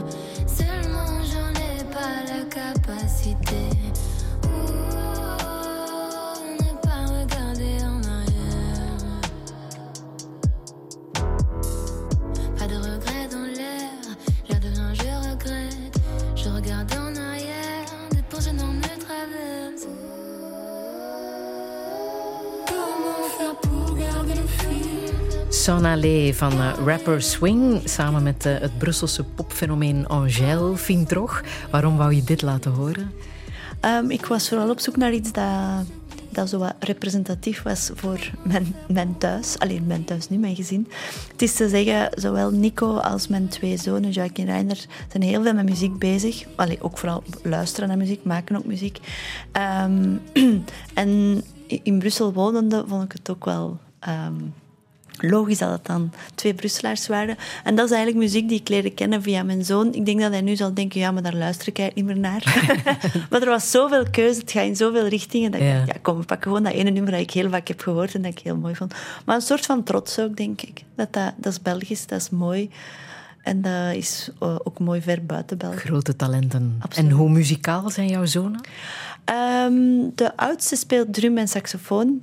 Eh, de jongste die is zo nog in de zeer zoekende fase, zoals hij van alles proberen en dan toch maar niet. Dus ik kan nog niet zeggen dat hij nog niet... Hij is nog geen muzikant. Maar de oudste is wel heel erg bezig met muziek. Dus dat is wel fijn. En hoe is het om twee jongens op te voeden in een stad als Brussel? Het is zeer fijn, vind ik. Die Ja? houden, ik hou van de stad, zij houden van de stad. Ehm, ik heb heel lang gedacht, oei, zo eh, kinderen die op de buiten opgroeien, veel meer ehm, in bomen klimmen en connectie met natuur en, en, en met, met vuile kleren thuiskomen, want ze hebben echt gespeeld. Dus ik heb lang gedacht, ah, dat, vind ik ook heel mooi, maar ik heb ook vooral gedacht van, is dat niet beter of dat niet gezonder? Maar een stad heeft ook zoveel te bieden. En als ik nu zo zie hoe dat die zich nu dat die wegwijs geraken in de stad, dat die gewoon alleen naar de cinema gaan, dat die de metro nemen, de tram nemen, dat die ook dingen zien die, die niet evident, zien gebeuren die niet evident zijn, maar dat ook een plek kunnen geven en dat ook snappen. Een stad maakt u ook echt wel, of Brussel toch in elk geval, maakt u ook zoveel wereldser en En wijzer. dit is dan ook nog niet een evidente stad. Het is een Absoluut. tweetalige, meertalige stad. Hoe, hoe werkt dat bij hun tweeën? Ehm, ze zijn eigenlijk van in het begin, eh, vanaf de crèche eigenlijk, in Franstalig, naar een Franstalige crèche gaan en dan ver, hun studies ook verder gezet in het Frans. De oudste gaan nu voor de eerste keer naar een Nederlandstalige school, dus naar de vierde middelbaar. Maar ze zijn eigenlijk alle twee perfect tweetalig. En dat was ook ons doel. Omdat ik dacht, er zijn misschien veel nadelen aan Brussel, maar als er één voordeel is voor mij, is het die tweetaligheid. Ja. En we hebben dat helemaal omarmd. En het is ook gelukt, want dat is natuurlijk Ja. niet altijd zo evident. Hè? Ja, voor hun is er eigenlijk geen verschil tussen Nederlands en Frans. Het is te zeggen, Nederlands wo- wordt er thuis gesproken, maar qua gemak of qua ongemak, dat is er niet. Dat is gewoon, dat ze spreken twee talen. Dus zij kunnen ook perfect alles doen in Brussel in die twee talen. Dus dat is ook een voordeel. Een, een naschoolse activiteit, vrienden zien, ehm, een, een, een film, een alles kan in de twee talen. Dat is onwaarschijnlijk Ook seksuele opvoeding, dat kan ja, ook dat in kan ook twee in, in talen. de twee talen, inderdaad. Want eh, krijgen ze EFRAS, waar heel veel om Wel- te doen is in eh Franstalig Wel, België? ik ga heel eerlijk zeggen, ik had er niet van gehoord, tot voor kort natuurlijk. En de jongste zou dat dan dit jaar moeten krijgen. Maar tot zover nog niets van gehoord. En Joaquin, de oudste, heeft daar eigenlijk... Ik denk het niet zo waar. Maar ja, het is nog pas vanaf nu verplicht. Mhm. En ik denk dat de, de, in de middelbaar ook pas vanaf het vierde is of zo. Dus ik denk dat we er nog op moeten opwachten. Ja, maar de commentaar die eh, er bestaat, is dat het de onschuld van kinderen zou bederven. Hè? Die seksuele opvoeding eh, op jonge leeftijd. Wat denk jij? Oh, Na de films die jij hebt gemaakt? Daar ben ik absoluut niet mee akkoord in die zin. Ehm, ja, ik weet niet wat er in het Evras-dossier of wat, wat er wordt gegeven. Maar We kunnen ons iets voorstellen bij we seksuele kunnen er opvoeding. iets bij voorstellen. En ik heb, als ik het goed begrepen heb, gaat het ook over de angst dat het verder gaat dan dat. Dat het ook gaat over, over, u, over hoe je voelt, hoe, wie je denkt te zijn. Genderidentiteit. genderidentiteit. Ja. Ehm, maar dan denk ik van, één, er is zoiets als internet. Dus jongeren komen echt heel snel in contact met van alles. Op een, denk ik, vaak minder aangename manier dan in een, in een, in een schoolcontext. Allee, of als het eh, in een lessenpakket zit. En vooral, mijn grote ding is, onwetendheid is denk ik de grootste vijand van alles. Dus ik merk het ook wel bij mijn kinderen op school, dat heel vaak... ehm, conflicten ontstaan uit een soort van beeld dat zij hebben van iets dat niet klopt, uiteraard, maar ook een soort van ja, zoals ik zei, niet weten waar het over gaat. eh, enkel eh, horen, van horen zeggen of wat, wat er thuis over gezegd wordt. En dat is vaak heel, heel beperkt, heel kwetsend, heel extreem. Dus ik, ik omarm met open armen iemand die in een school op een zachte manier dingen aanreikt. Eh, en vooral voor zij die het heel hard nodig hebben. ehm, dat, ze, dat, ze, dat ze weten van ik, ik kan, dit mag, ik ben niet abnormaal, ik mag denken, voelen, ehm, interessant vinden. De mensen die je in Holly laat zien, dat is die generatie ook. Hè. Die jongere generatie was trouwens ook al het geval in Home. Die jonge, puberende generatie. Maar hoe doe je dat als filmmaker om in hun wereld te duiken? Hoe probeer je dat te doorgronden? Ehm, ja, dat is zo een stuk natuurlijk teruggaan naar hoe was het toen. Wat altijd gevaarlijk is, want dan, dan komt je vaak af met het idee dat je denkt, ja, toen misschien, maar nu dus niet meer. In jouw leven, In mijn- jouw ja, puberteit. in mijn puberteit. Ja. Anderzijds had ik heel snel door, als we begonnen met Home, dat, er, dat die, die, die, die puberteit, die, die specifieke periode, dat dat eigenlijk die basis is altijd hetzelfde doorheen de jaren. Dat nu 30 jaar voordat ik geboren was, of 30 jaar nadat ik geboren was, of 45 jaar nadat ik geboren was, dat dat, dat, dat eigenlijk, die fundamenten, dat blijft eigenlijk altijd een beetje hetzelfde. Zo dat afzetten tegen, ehm, dat, dat, die, die, die deur naar een nieuwe wereld. Anderzijds is die context natuurlijk helemaal anders. En dat is eigenlijk hetgene waar ik het meeste heb moeten mij in verdiepen, is zo effectief, zo, zo jongeren communiceren. Allee, er is de sociale media bij, meegekomen. Die kloof tussen ouderen en jongeren is vaak eh, niet zo diep meer, eh, niet zo groot meer. Ehm, dus er is van alles veranderd, maar zo de essentie blijft wel hetzelfde. En dat was eigenlijk mijn, mijn grote reddingsboei. Dat ik dacht, van, ah ja, maar ik weet nog altijd... We, we begrijpen elkaar nog altijd. Of zo. Je kijkt ook heel veel YouTube-filmpjes. Ja. Filmpjes die die generatie ook bekijkt. Ja, het is te zeggen, ik weet niet of ze nog zoveel YouTube-films bekijken, maar het is, het is van YouTube-films naar, naar, naar ehm, Instagram-filmpjes. Ehm, eigenlijk, dat is eigenlijk ooit begonnen... Dat is effectief 100% research, maar dat is natuurlijk ook een heel eh, aangename research, want voordat ik het weet zit ik aan het, ben dingen aan het kijken dat ik denk, dat heeft daar niks meer mee te maken. Is een kleine verslaving wordt dat dan. Maar ehm, dat is heel fijn om ook even van fictie los te komen en dan ook gewoon in een wereld te stappen die heel echt is op die moment. Die heel hard representeert hoe dat jongeren zijn, maar ook hoe dat zij filmen, hoe dat zij met elkaar, hoe zij elkaar bekijken. Ehm, en ja, ik vind dat een super, eh, super efficiënte manier eigenlijk om, om, om mijn onderwerpen te leren kennen. Maar denk je dat die generatie nog echt naar bioscoopfilms zal blijven gaan? Ze zijn zo ja, opgegroeid met, met YouTube, met Instagram, met korte flitsende beelden. Is een lange bioscoopfilm, is dat nog iets waar zij naartoe trekken? Dat is de grote vraag natuurlijk. In- bij, bij mijn kinderen wel. Ehm, maar ja, die zijn natuurlijk ook met lichte dwang vroeger af en toe naar het cinema moeten gaan. Ik merk wel, ik merk dat bijvoorbeeld ook bij mijn jongste zoon, zo, en dat is, dat is iets van deze generatie, effectief, de, de aandachtspan is echt wel kort. Het is heel moeilijk om een uur en een half, of als het dan al maar een uur en een half is, om dat uit te zitten. Dan moet het echt al helemaal eh, geboeid eh, iets zijn dat in 100% boeit. Ehm, natuurlijk, als filmmaker wil ik geloven dat dat blijft bestaan. Want er is nog natuurlijk altijd zoiets van het, het, de uitstap. We gaan naar de cinema. Dus daar blijf ik daar blijf ik ook in geloven. Daar wil ik ook in geloven. Maar ja, het is, het is, het is, het is een werk, denk ik. Ik denk dat dat ook iets is in, in scholen. Wij gingen vroeger veel naar de cinema naar school. Ik weet dat met Palace in Brussel en ook met de andere cinemas in Brussel blijven er heel veel schooluitstappen georganiseerd Allee, schoolbezoeken georganiseerd worden. Dus het is iets als we daar niet eh, een klein beetje bij gidsen en, en het, en het wat eh, aantrekkelijk maken en ze er met lichte dwang maar naartoe duwen, denk ik wel eens dat dat op sterven na dood zou kunnen zijn. Maar dat dus nog niet het geval is. En ik geloof er 100% in dat dat niet gaat gebeuren. Maar het is wel iets dat, dat ja, sociale media en de korte dingen zijn dat wel heel hard aan het vervangen natuurlijk. De film die nu uitkomt, Holly, denk je dat daar ook een educatieve waarde voor scholen kan inzitten? Ehm, ik denk het wel. Allee, ik denk tegelijkertijd gewoon al het feit dat, mens, dat jongeren geconfronteerd worden met een ander soort film. Met film op zich, met een ander soort film. Al is het maar gewoon de manier dat het gefilmd is, de manier dat het verteld is. Anderzijds zitten er heel veel onderwerpen in die, denk ik, wel ehm, zeker interessant genoeg zijn om in een schoolcontext of, of gewoon onder, onder vrienden over te praten. Het is denk ik heel bewust dat je Holly ehm, eh, situeert in een kansarm gezin, een ontwricht gezin. Eh, waarom eh, vond je dat belangrijk om dat thema ook aan te snijden? Ehm, ik, het, is er, het is enerzijds zo het idee van zo een meisje die, die er niet bij hoort, op geen enkel vlak, niet in de school, maar ook thuis geen steun krijgt. Allee, wel een soort van liefde krijgt, maar in een heel chaotische Niet wat je context. verwacht. Niet wat je verwacht. En dan zo het idee van, en net dat meisje wordt iets groots. Een meisje dat dat misschien nog, die dat meer nodig heeft dan wie dan ook. Ik zeg niet dat iedereen het nodig heeft om op een piedestal gezet te worden en verheerlijkt te worden, maar mm, het is een soort van een godsgeschenk voor zo iemand, omdat zij nog nooit heeft, heeft nooit gedacht zelfs dat ze bij iets zou kunnen bijhoren, laat staan worden gezien als iemand bijzonder. Dus dat was voor mij wel belangrijk. En ook dat idee van iemand goed, goed zijn, iets puur. Mensen hebben dan ook altijd liever dat dat niet gaat over mensen die het ge- geprivilegeerd zijn, die het makkelijk hebben of zo.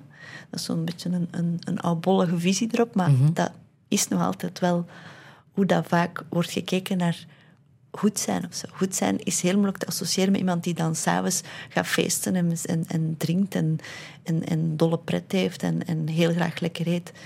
Enfin, ik vind dat niet, maar dat is wel een beeld dat er vaak van is. We moeten eigenlijk iets heel rein en iets heel puur hebben of zo. Ja. Thank you.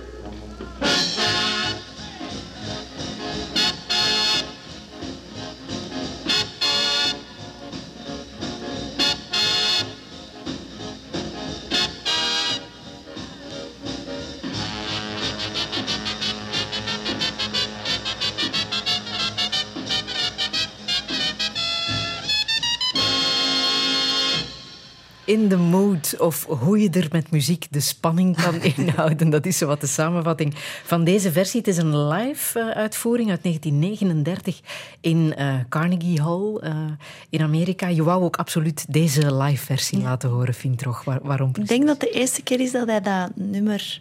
dat ze dat live gingen brengen, of toch daar. Want hij zegt ook zoiets van... In het begin van, dit is de eerste keer dat ik, ik heb een nieuw nummer gemaakt. Ja, ja, ja. En je voelt heel dat nummer, zo die, die, in het begin zo wat die... Ver, allee, dat beeld ik mij in, maar de verbazing van, ah ja, fijn, fijn, fijn. En dan begint dat, dat, dat, dat begint meer en meer te swingen. En je voelt ook zo van, we zouden nu kunnen stoppen, maar we gaan het nog eens doen. En je voelt dat publiek ook enthousiaster en enthousiaster worden.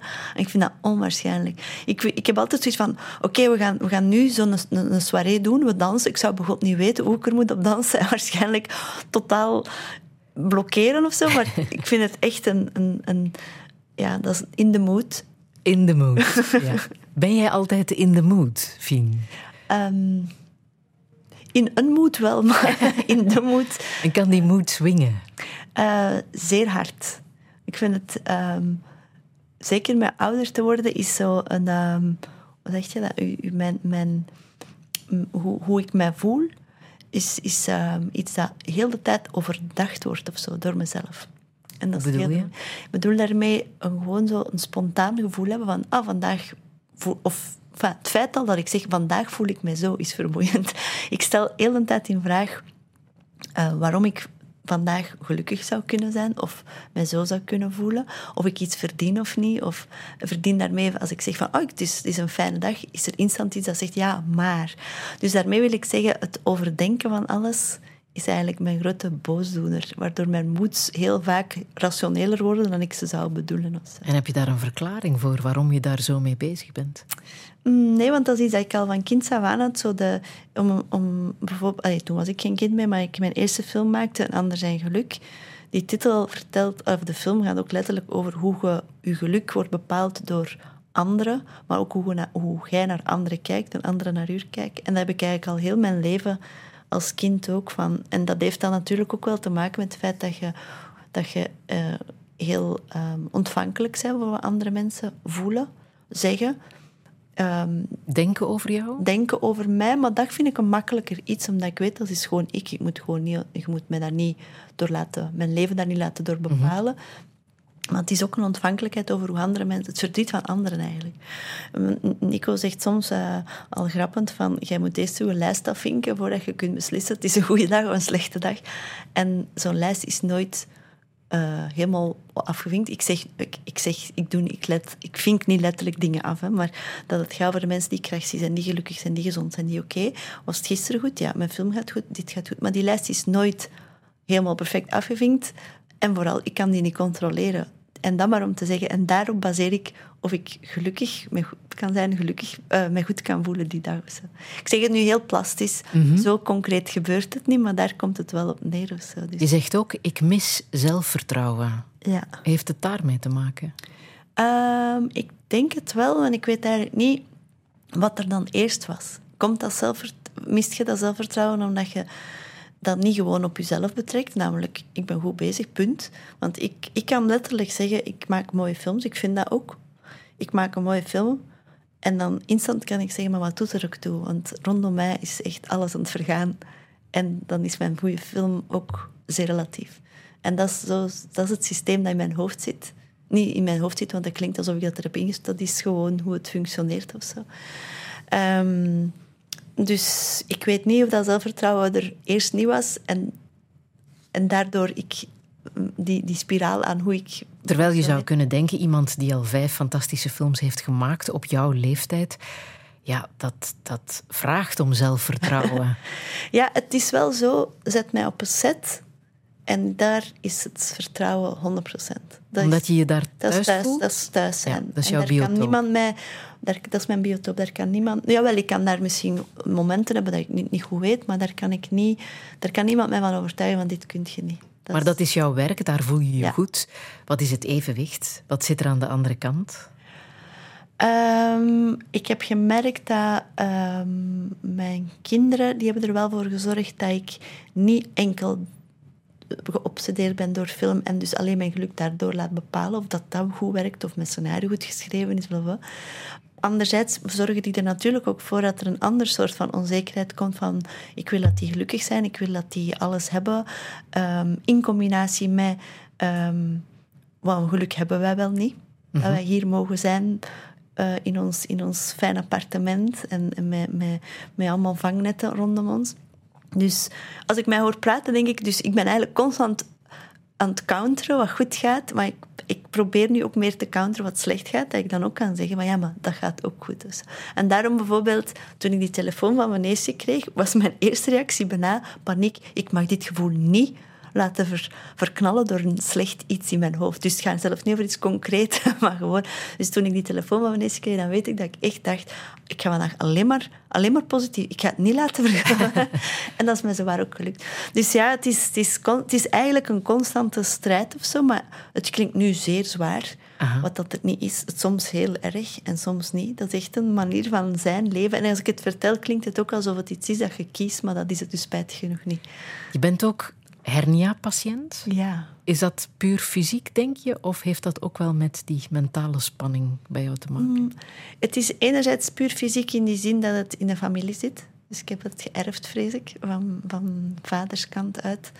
Ehm, dus, en daar ben ik ook aan geopereerd, dus dat was allemaal heel concreet. Maar ik begin nu wel meer en meer te zien het, het ontspannen zijn, rust vinden en niks doen, dat is totaal Ehm, dat is onbesta- niet onbestaand. Ik weet gewoon niet hoe dat moet. Ik, ik sla daar niet in. En ik vrees dan wel dat snel de link is gelegd met het feit... als ik een slecht gestel heb, dat ik ook niet de juiste mindset heb... om dat gestel misschien een beetje te ontlasten. En ben je daarmee bezig? Probeer je daar iets op te vinden Ja, dat jou helpt? ik probeer dat wel, maar ehm, ik kom altijd wel van een kale lijst terug in.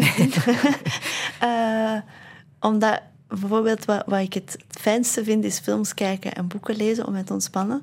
Maar dat is natuurlijk met de jaren ook iets geworden dat ik een film kijk en denk, wat zou daar interessant kunnen dan zijn voor mijn werk? Als ik een boek lees, wat zou interessant Dus dat is, hmm, dat is moeilijk. En, Ja. en ja, ik heb ook wel eens yoga geprobeerd. Daar werd ik dan heel zenuwachtig van. Dus ik, ik zoek nog naar het... Maar ik zeg niet, ik denk dat yoga misschien wel kan helpen, maar ik heb nog niet de juiste... Nog niet Nog, op ik dit heb het nog moment. niet gevonden. het is een actieve zoektocht.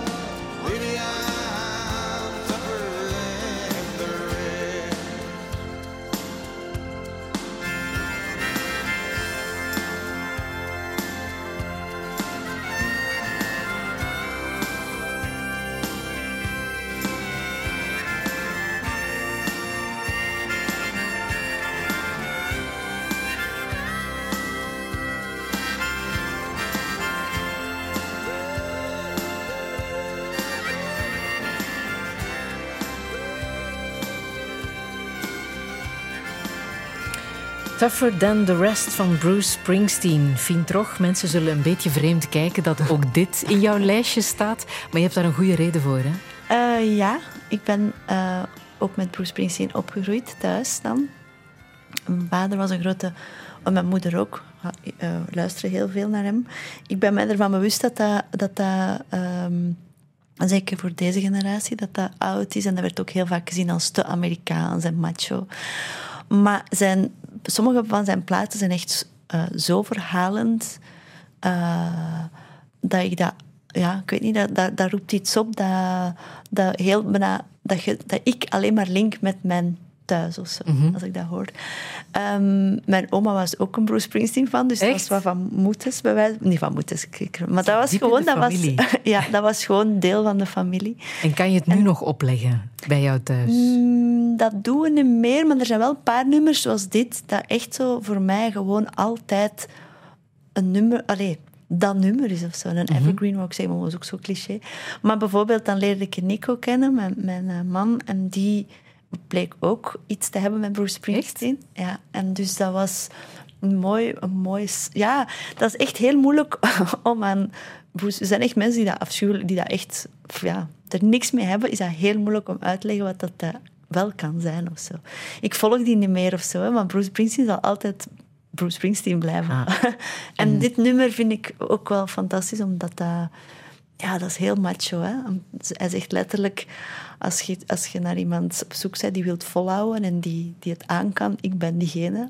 Ehm, maar dat is ook heel kwetsbaar en heel ontroerend. En ja, ik ben, ik, was, ik ben wel een beetje verliefd op Bruce Springsteen. Vro- Vroeger zei ik van een ongeloo- ongelooflijk mooie man. En als, ik zei eigenlijk de hele tijd mijn man, maar ik ben helemaal niet getrouwd met Nico. En dus ik wou eigenlijk zeggen, als ik ooit trouw met Nico, dan zal dat denk ik wel ons, ons ja, openingsnummer, whatever, een nummer zijn dat gespeeld wordt. Dat is, iets heel, dat is ook iets heel erg tussen hem en mij. Hoe komt het dat jullie dan nog niet getrouwd zijn? Ehm, ik ben, we hebben al, ben al ten huwelijk gevraagd. Al twee keer zelfs. En dan is er wel de ja, maar dan is er ook de maar why. en vooral, dan, ik weet nog de eerste keer dat ik dacht, ja, maar hoe gaan we dat dan doen? En dan werd dan heel... Ik vrees een beetje dat in mijn hoofd was, ja, maar ik ga misschien eerst nog een film maken. En dan zullen we zien, oeh, heel romantisch. maar het is, er, het is gewoon heel veel gedoe. Maar met, ons kinderen willen dat ook heel graag, dus het zal ooit wel eens moeten gebeuren. Ehm, Bruce zal ons daar wel bij helpen. ik weet het niet. We zijn nog niet getrouwd, maar het zal gebeuren. Mhm. Jullie werken ook samen. Hè? Jullie leven niet alleen samen, maar jullie werken ook samen. Want Nico monteert jouw films. Niet evident, denk ik dan. Uh, dat was ooit niet evident, omdat ik effectief niet... Uh, ik kon geen afstand doen van wat ik aan het maken was. En dat bepaalde ook mijn geluk op die moment. Net iets te veel. Um, en als je dan ook nog eens samenwerkt, is er geen enkele uitweg meer. Sinds dat er kinderen zijn, gaat dat anders. Is er veel meer... Um, ja, is er een andere liefde. en nu is het samenwerken eigenlijk de laatste twee films, ook al waren die heel intens, omdat, omdat ik hem altijd heel veel werk geef en heel veel kopzorgen geef als monteur. Um, maar gaat die samenwerking veel beter. En ik denk ook een beetje omdat ik rustiger geworden ben in wat ik, hoe ik naar mijn films kijk en dat ik ook wel meer vertrouwen heb in het komt wel goed. Mm-hmm. Nico denkt nu waarschijnlijk, ja, dat zeg je nu, maar dat had toen, toen niet veel van gemerkt. Maar we, er, is, er, is, er, er is wel zo een soort symbiose gekomen die, die, die, die alleen maar nog posit, allee, die positiever is, of ja. positief is. Ik kan niet zeggen dat hij al jouw films heeft gemonteerd. Nee. Eentje heeft hij niet gemonteerd, hè? Nee. een spoken. Dat heeft jouw vader opnieuw gedaan. Ja, daar ben ik eigenlijk heel blij omdat dat toen nog is gebeurd. Ja? Want ik was toen best ook wel bang, omdat ik dacht... Ja, we, we hadden... Uh, hadden wij ooit al samen? Ja, één kort film had hij van mij gemonteerd en dat ging toen supergoed.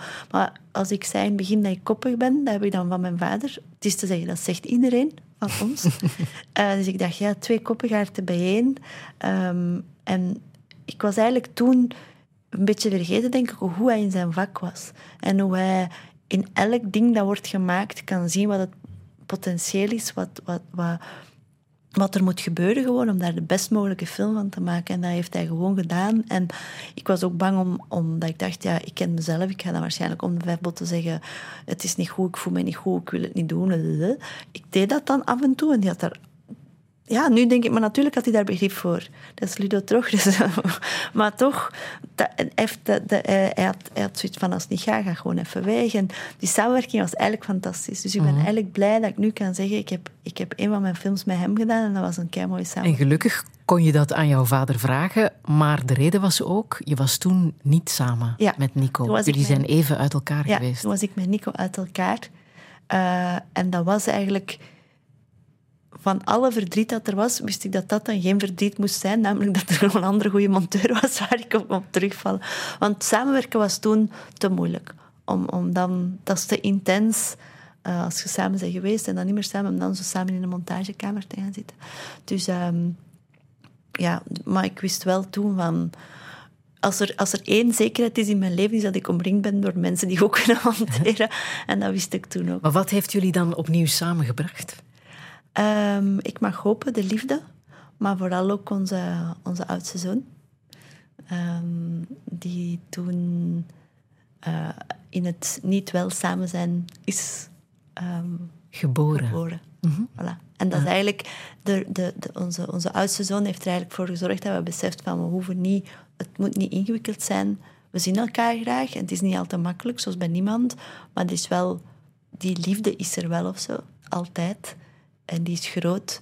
En plots hadden we geen redenen meer om te zeggen, misschien moeten we dan nog eens op pauze zetten, moeten we nog eens stoppen. En dat heeft ons eigenlijk samen... Kan je zeggen dat je misschien die breuk wel nodig gehad hebt om te weten dat jullie bij elkaar horen? Absoluut. Absoluut. Was, ik denk als we dat niet hadden gedaan, dan, zoals bij velen, dan, dan... Nee, maar dan waren we ook misschien later uit elkaar en nooit meer terug samengekomen. Ehm, tegelijk heb ik, en dat heb ik ook van thuis uit, denk ik, van ik ben ook niet zo obsessief met is liefde dan enkel samen zijn. Ik denk dat dat iets heel... Ja, dat is, dat is, dat is abstracter dan gewoon zeggen wij zijn een koppel van, van begin tot einde of zo. Ehm, dat maakte ook, denk ik, dat er een soort van vrijheid was in... Zijn we dan samen, zijn we dan niet samen? Omdat dat niet gewoon was van... Luister, het is simpel. Je zet het of je zet het niet. Ehm, maar bon, de, de, de, de kinderen hebben er wel voor gezorgd dat er, dat er een soort van duidelijkheid was over... En, en dat er niet meer moest gepalaverd worden, maar dat we gewoon hebben, we hebben beseft van... De liefde is groot genoeg om, om voor altijd samen te blijven. Ah. Hij heeft ook een behoorlijk belangrijke carrière als, eh, als monteur. Niet alleen in ons land, maar ook in, eh, in Hollywood. Hè? Ja, Klopt het dat jij in het bed hebt geslapen van Ryan Gosling? Met de nadruk op van en niet met, spijtig. Voor alle duidelijkheid, met Nico in het bed van Ryan Ja. Gosling. Dat moet je dan toch wel even uitleggen. Ja, kijk. Ehm, dus ehm, via een vriend van ons. ehm, wacht, hoe gaat het? een vriend van mij, zijn vriend was een beste vriend van Ryan Gosling. En Ryan was op zoek naar een monteur, of te zeggen naar iemand die wou kijken naar zijn film, want dat lukte niet goed met zijn huidige monteur. Ehm, en zo kwam het bij Nico terecht. Nico is dan, ehm, om kort te maken, naar daar gegaan om te gaan kijken naar de film, om te helpen. Dat is eigenlijk een veel langer avontuur geworden, want hij is gewoon... Hij is, dat- is heel project beginnen opensmijten en, en dat klikte supergoed met Ryan. Dus plots had Nico voor, ik denk dat het in totaal vier maanden was, eh, in Amerika. Eh, de twee jongens waren toen nog klein en werden gemist. Ik, ik miste Nico en Nico miste de kinderen. De jongens misten de kinderen. was ook stiekem wel het idee van... Zit jij dan wel lekker in L.A. met Ryan Gosling? Ik zit hier in Brussel. En dan was er, was er voorgesteld van... Ja, maar anders komt je twee weken, de laatste twee weken af. Ik heb dan bijna gedaan en dan kunnen we een beetje samen vakantie doen. Dus we zijn daar gaan. Maar Nico... ehm, maar ik ben nu... wel de, de, de roddel. Ryan woonde toen bij, bij zijn nieuwe vriendin nog toen, Eva Mendes. Niet nieuw, maar relatief nieuwe relatie met Eva Mendes. Dus hij woonde in haar huis en Nico logeerde in het huis van Ryan. Die daar dus niet woonde op die moment. En dus als wij toekwamen, hebben wij daar ook gelogeerd in zijn huis. Ehm, en in zijn bed geslapen, in zijn keuken gekookt en alles gedaan in zijn huis. En het was gezellig? Het was zeer gezellig, het was een mooi huis. En wat ook heel fijn was, dat, is, dat, is een, dat, is, eh, dat zijn wereldsterren, maar daaraan ziet je wel... Dat, is- dat was een huis met spullen en een, een mens woonde daar. Snap je? Vaak als ik zo... Mhm. eh, Maar je hebt zelf Ryan Gosling uiteraard ook ja, ontmoet. en, en ja, zijn dan wel bij Je hem... kan zeggen hij of hij een zijn- sterrenstatus heeft in zijn gewone leven of niet. Wel, dat was het ding. In het begin had je natuurlijk geprobeerd dat niet te zijn, maar je bent wel een beetje starstruck. Of ja, geprobeerd zo nonchalant mogelijk, hallo, de eerste ontmoeting te doen. Mhm. Maar dat was wel, ik was wel wat overweldigd. Maar dan heel snel was er de andere overweldiging van het feit dat hij zo, zo dat er zo'n aangename mens is. Een heel down-to-earth, intelligent, lief, zacht. En niet... Heel vaak bij veel mensen heb je het gevoel van, ik praat tegen u, maar jij bent zo gewend om geleefd te worden, dat of ik hier nu... Enfin, dat je niet altijd het gevoel hebt dat je gehoord wordt. Of zo. En dat was iemand waar je een heel gewoon gesprek mee kon hebben. En wat dan het grappige was, ik had toen net Kit gemaakt, ben ik nu juist. Ah ja, ik had net Kit afgewerkt. Het is mijn tweede, eh, derde langspeelfilm.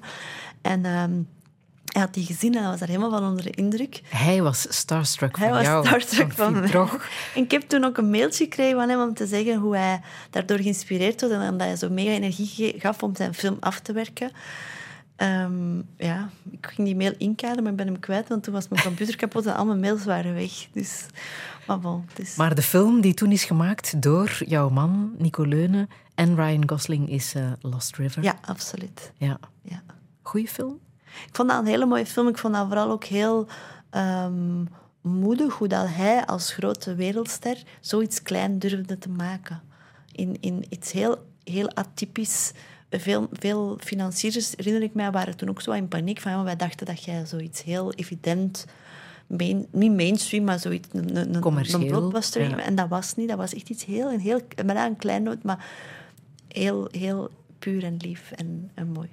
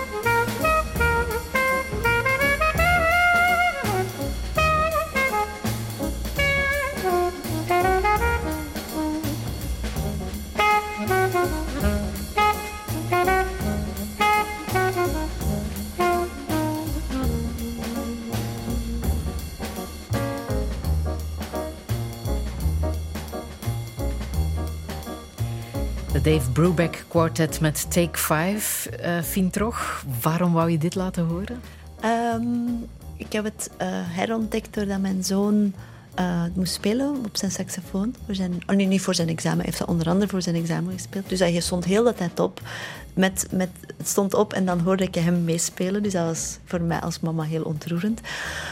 Anderzijds, eh, wat ik al zei, er is heel de tijd muziek in ons gezin. Maar ik ben ook wel opgegroeid, dus naast Bruce Springsteen, zowaar nog met iemand anders. Namelijk met gewoon met jazzmuziek. Mijn papa zette heel veel jazz op. En ik weet dat ik daar als kind heel hard mee worstelde. Ik weet, ik weet nog steeds niet of ik heel hard hou van jazz of, of dat die relatie is. Maar door, door dat te horen heb je er wel een soort van band mee. of zo. Eh, Dat te horen, door jazzmuziek eh, veel vaak te horen. En nu, doordat Joaquin, eh, dus mijn oudste zoon, drumt, gaan we ook wel eens naar jazz optredens. Eh, en eigenlijk begin ik het wel echt te smaken en te appreciëren. Maar Nu blijft pas een rare te snappen. relatie. Ja, te snappen. Ik weet dat wij, met mijn broer lacht wij daar ook heel vaak mee. Omdat dat dan, soms was dat dan free jazz en we worden er helemaal gek van. Ja.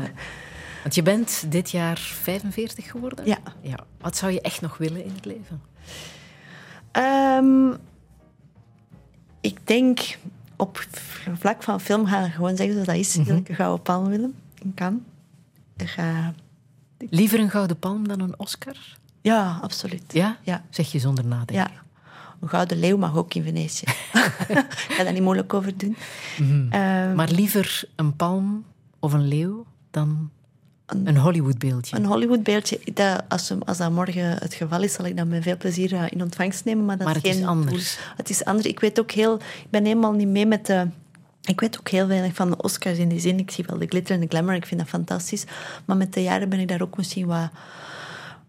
De, de, de waarde op zich van een Oscar-winnende film stel ik dan soms in vraag. Als het gebeurt, vind ik het voor mensen die ik ken, vind ik het fantastisch. Als het mij ooit overkomt ook. Maar het is ver van een doel op zich.